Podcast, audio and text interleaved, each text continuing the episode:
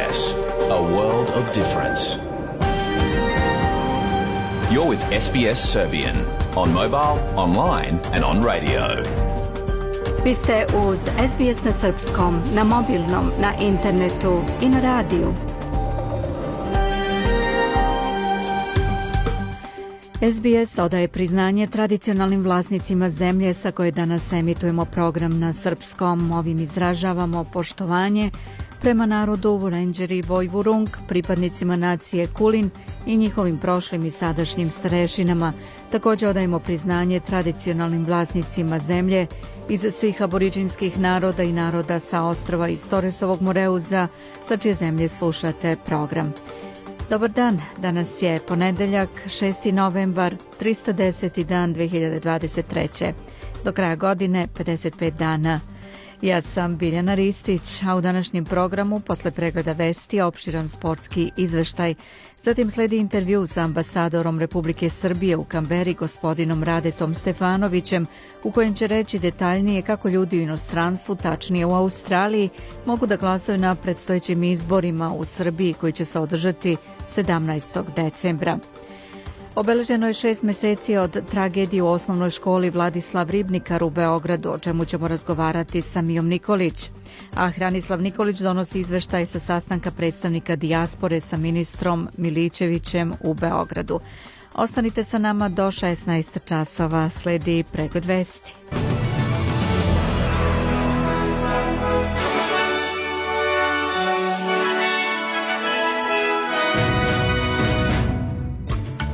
Premijer Australije u Kini očekuje sastanak sa kineskim predsjednikom Xi Jinpingom. Bivši premijeri Australije i Britanije Scott Morrison i Boris Johnson iznenada posetili Izrael. Predsjednik Srbije Aleksandar Vučić kaže da do 2027. neće biti drugih izbora i da Srbija 17. decembra odlučuje o svojoj sudbini.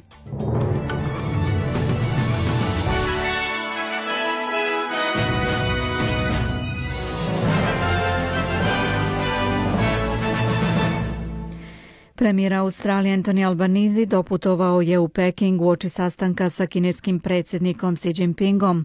On je izjavio da ne isključuje mogućnost podrške kineskoj molbi za pridruživanje sveobuhvatnom i progresivnom sporazumu 12 zemalja u okviru transpacifičkog partnerstva, ali je također rekao da svaka zemlja koja želi da se pridruži mora pokazati da može da ispuni visoke standarde postavljene u okviru sporazuma. Kineski premijer Li Qiang, sa kojim se Albanizi sastao prethodno u Šangaju, rekao je da Kina namerava da unapredi svoje pristupanje grupi i da nastavi da promoviše veće otvaranje tržišnih mogućnosti. Federalna opozicija kaže da Antone Albanizi treba pažljivo da se bavi nastojanjem Kine da se pridruži transpacifičkom trgovinskom bloku. China has not acted in good faith with Australia Kina se u poslednje vreme nije lepo ponašala u odnosima sa Australijom u pogledu trgovinskih uslova, tako da bismo morali da vidimo period dobronamernog angažovanja pre nego što razmotrimo članstvo. Kina zaista ima sistemske barijere da bi mogla da ispuni visoke standarde TPP-a koji uključuju stroga pravila o tome kako državna preduzeća posluju ekonomski, tako da bismo morali da vidimo reformu u Kini pre nego što uđe u članstvo rekao je port parol opozicionih spoljnih poslova Simon Birmingham za Sky News a pred očekivane razgovore dva lidera u Pekingu. Bivši liberalni premijer Australije Scott Morrison uključio se u debatu o humanitarnom prekidu vatre u Gazi dok raste pritisak na Izrael da zaustavi svoje vojne operacije u tom području. On je otišao u iznenadnu posetu sa bivšim britanskim liderom Borisom Johnsonom kibucu u Izraelu koji su 7. oktobra napali militanti Hamasa, gde su zajedno izrazili podršku izraelskim vojnicima. Boris Johnson kaže da se ne slaže sa onima koji pokušavaju da podvuku moralni ekvivalent između onoga što vojnici rade i onoga što radi Hamas, a Morrison je izjavio da veruje da bi prekid vatre bio pogrešan potez. And in terms of a pause,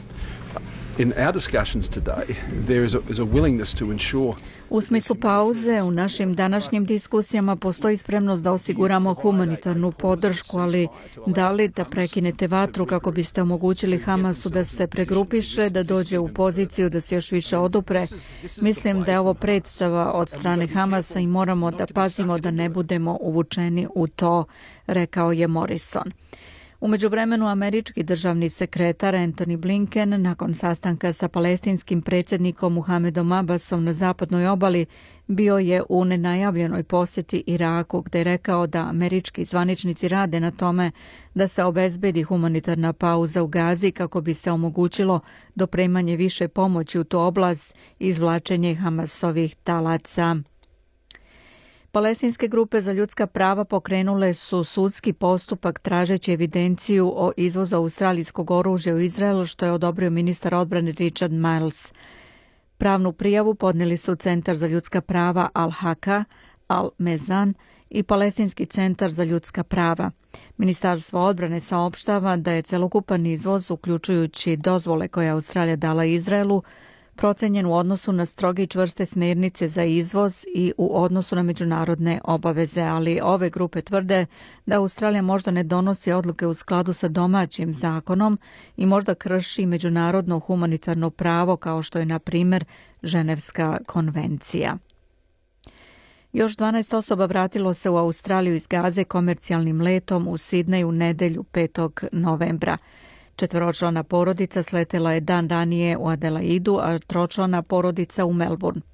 Za ovaj par koji se vratio, to je kraj izuzetno strašnih nekoliko sedmica, kako su izjavili.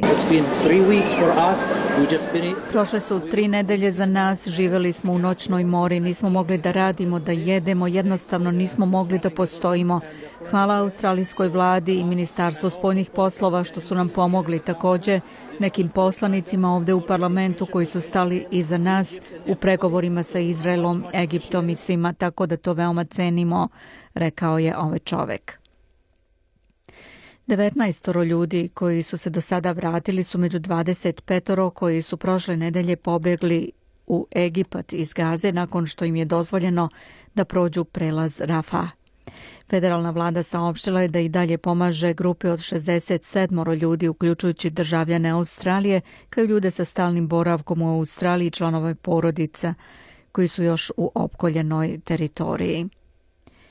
U međuvremenu izraelska vojska saopštila je da su njeni vojnici stigli do položaja duž obale Gaze u sklopu proširenja kopnenih operacija.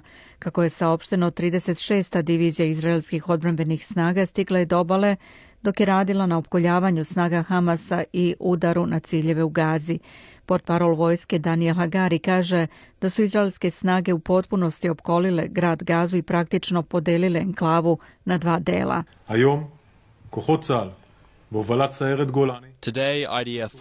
Danas postoji severna i južna Gaza, kaže Hagari i ističe da će izraelska vojska dozvoliti civilima da napuste severnu Gazu i krenu na jug.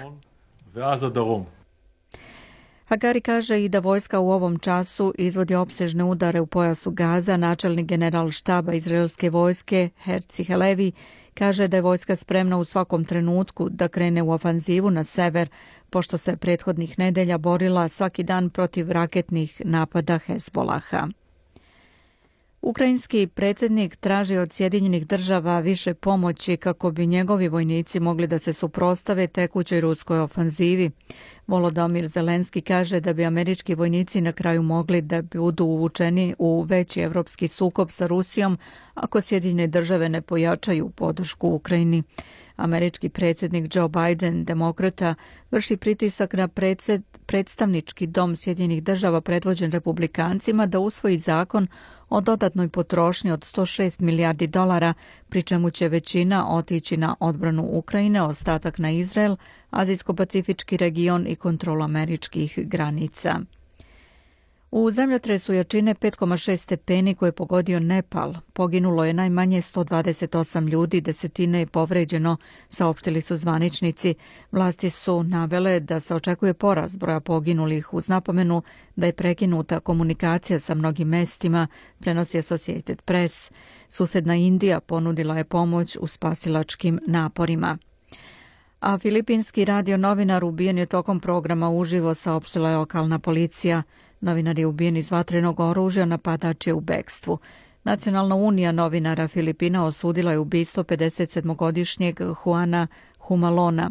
Na Filipinima su mediji redovno meta napada i zastrašivanja. Predsednik Srbije Aleksandar Vučić čestitao je sinoć jubile 80 godina postojanja novinskoj agenciji Tanjug. Kako je rekao, Tanjug je uvek bio, bez obzira na to što uvek mogao da bude pod manjom ili većom kontrolom u zavisnosti od vremena, pristojan medij i pristojna agencija koja nije služila za uvrede na račun drugih ili bilo kakve klevete. 5. novembra 1943. osnovan je Tanjug u Jajcu na drugom zasedanju Avnoja. Naziv Telegrafska agencija Nova Jugoslavija predložio je Moša Pijade. Prvi direktor bio je Vladislav Ribnikar, poznati novinar, dugogodišnji direktor lista Politika. Slušate pregled vesti na srpskom, tačno je 15 časova, 10 minuta, 50 sekundi. Predsednik Srbije Aleksandar Vučić rekao je da do 2027. neće biti drugih izbora i da Srbija 17. decembra odlučuje o svojoj sudbini. On je dodao da se Srbija na izborima opredeljuje kako će zemlja da izgleda i da li će nastaviti sa ekonomskim napretkom. Kasnije u programu možete čuti intervju sa ambasadorom Srbije u Kamberi gospodinom Radetom Stefanovićem, koji će reći više o tome kako ljudi mogu glasati na predstojećim parlamentarnim izborima iz inostranstva. Predsednik Srbije je u intervju agenciji Tanjog izjavio da se u Briselu plaše botova Albina Kurtija koji preko društvenih mreža imaju veliki uticaj na briselsku politiku jer oni misle da ti botovi predstavljaju javno mnjenje. Društvene mreže imaju neverovatan uticaj čak i na briselsku politiku, naglasio je Vučić i dodao da mu je i specijalni zaslanik Evropske unije za dijalog Miroslav Lajčak jednom prilikom rekao da prištinska strana vrši veliki pritisak. Predsednik Srbije Aleksandar Vučić rekao je također da je nova runda dijaloga između Beograda i Prištine trebalo da bude održana u Briselu 6. ili 7. novembra, ali da misli da druga strana to nije prihvatila. Trebalo je da bude za dva, tri dana, nisam siguran da je druga strana prihvatila. Ali to morate Petra pitati. Mi smo odmah prihvatili, mi smo uvek spremni za razgovor.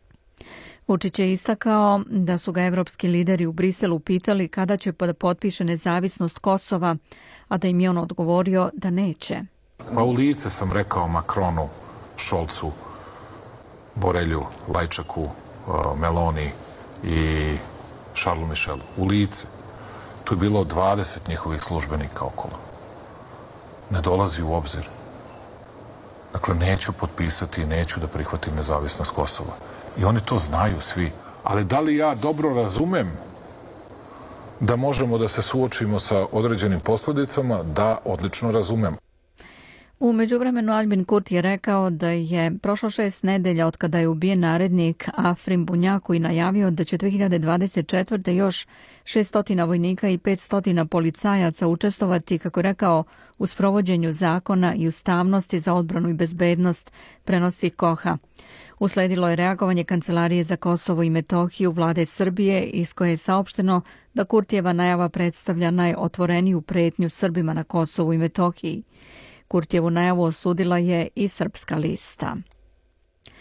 U nastavku akcije koju MUP Srbije sprovodi na suzbijanju ilegalnih migracija pronađeno je 77 ilegalnih migranata kao i komadi municije različitog kalibra i dva noža, saopšteno je iz MUPA Srbije. Ističu da je u toku jedna opsežna akcija. SBS na srpskom preklet vesti. Vlada Zapadne Australije pristala je na istorijsku nagodbu u iznosu od 180,4 miliona dolara kako bi se ispravila višedecenijska nepravda ukradenih plata hiljadama aboriđinskih radnika između 1936. i 1972. Država će također izdati javno izvinjenje u parlamentu krajem meseca preživelim i preminulim oštećenim radnicima aboriđinima. Poravnanje podleže odobrenju Federalnog suda Australije, pri čemu sud odlučuje o tačnom iznosu za svakog podnosioca zahteva. A prva žena pilota australijske aviokompanije dobila je počast imenovanjem nadvožnjaka prema terminalima za domaće letove na aerodromu u Sidneju i taj nadvožnjak od sada će se zvati Debra Lowry Flyova. Kapetanka Lowry je ušla u istoriju nakon što je krajem 1970-ih pobedila u značajnom sporu po tužbi za seksualnu diskriminaciju protiv bivše domaće aviokompanije Anset. Sir Richard Ansert, koji je bio vlasnik aviokompanije, nikada pre nje nije angažovao ženskog pilota i Anset se žalio višem sudu da spreči potpuno kvalifikovanu Lori, koja je letela od svoje 16. godine da se pridruži aviokompaniji kao pilot. Lori je kasnije kopilotirala na letu Anseta od Alice Springsa do Darwina u januar 1980. Od tada radi kao pilotkinja primljena je u kuću slavnih australijske avijacije i dobitnica je ordena reda Australije. Da pogledamo i vrednost australijskog dolara. Prema američkom vredi 65 američkih centi, 61 euro cent, 53 britanska penija i 71 srpski dinar, 19 para. I na kraju ovog bloka vesti Da pogledamo i vremensku prognozu tokom popodneva po većim gradovima. U Pertu sunčano popodne sa 25 stepeni, Adelaida sunčano 27. Melbourne prilično oblačno popodne 28 stepenije. U Hobartu razvedravanje tokom popodneva 19, Kambera oblačno popodne 24, sunčano je u Sidneju 21, Brisbane oblačno vreme 23, sunčano vreme u Darwinu 33, tokom popodneva očekuje se kiša. U Beogradu tokom dana sunčano do 18 stepeni. Služali ste pregled vesti, za sve najnovije posetite sbs.com.au kozacrta news.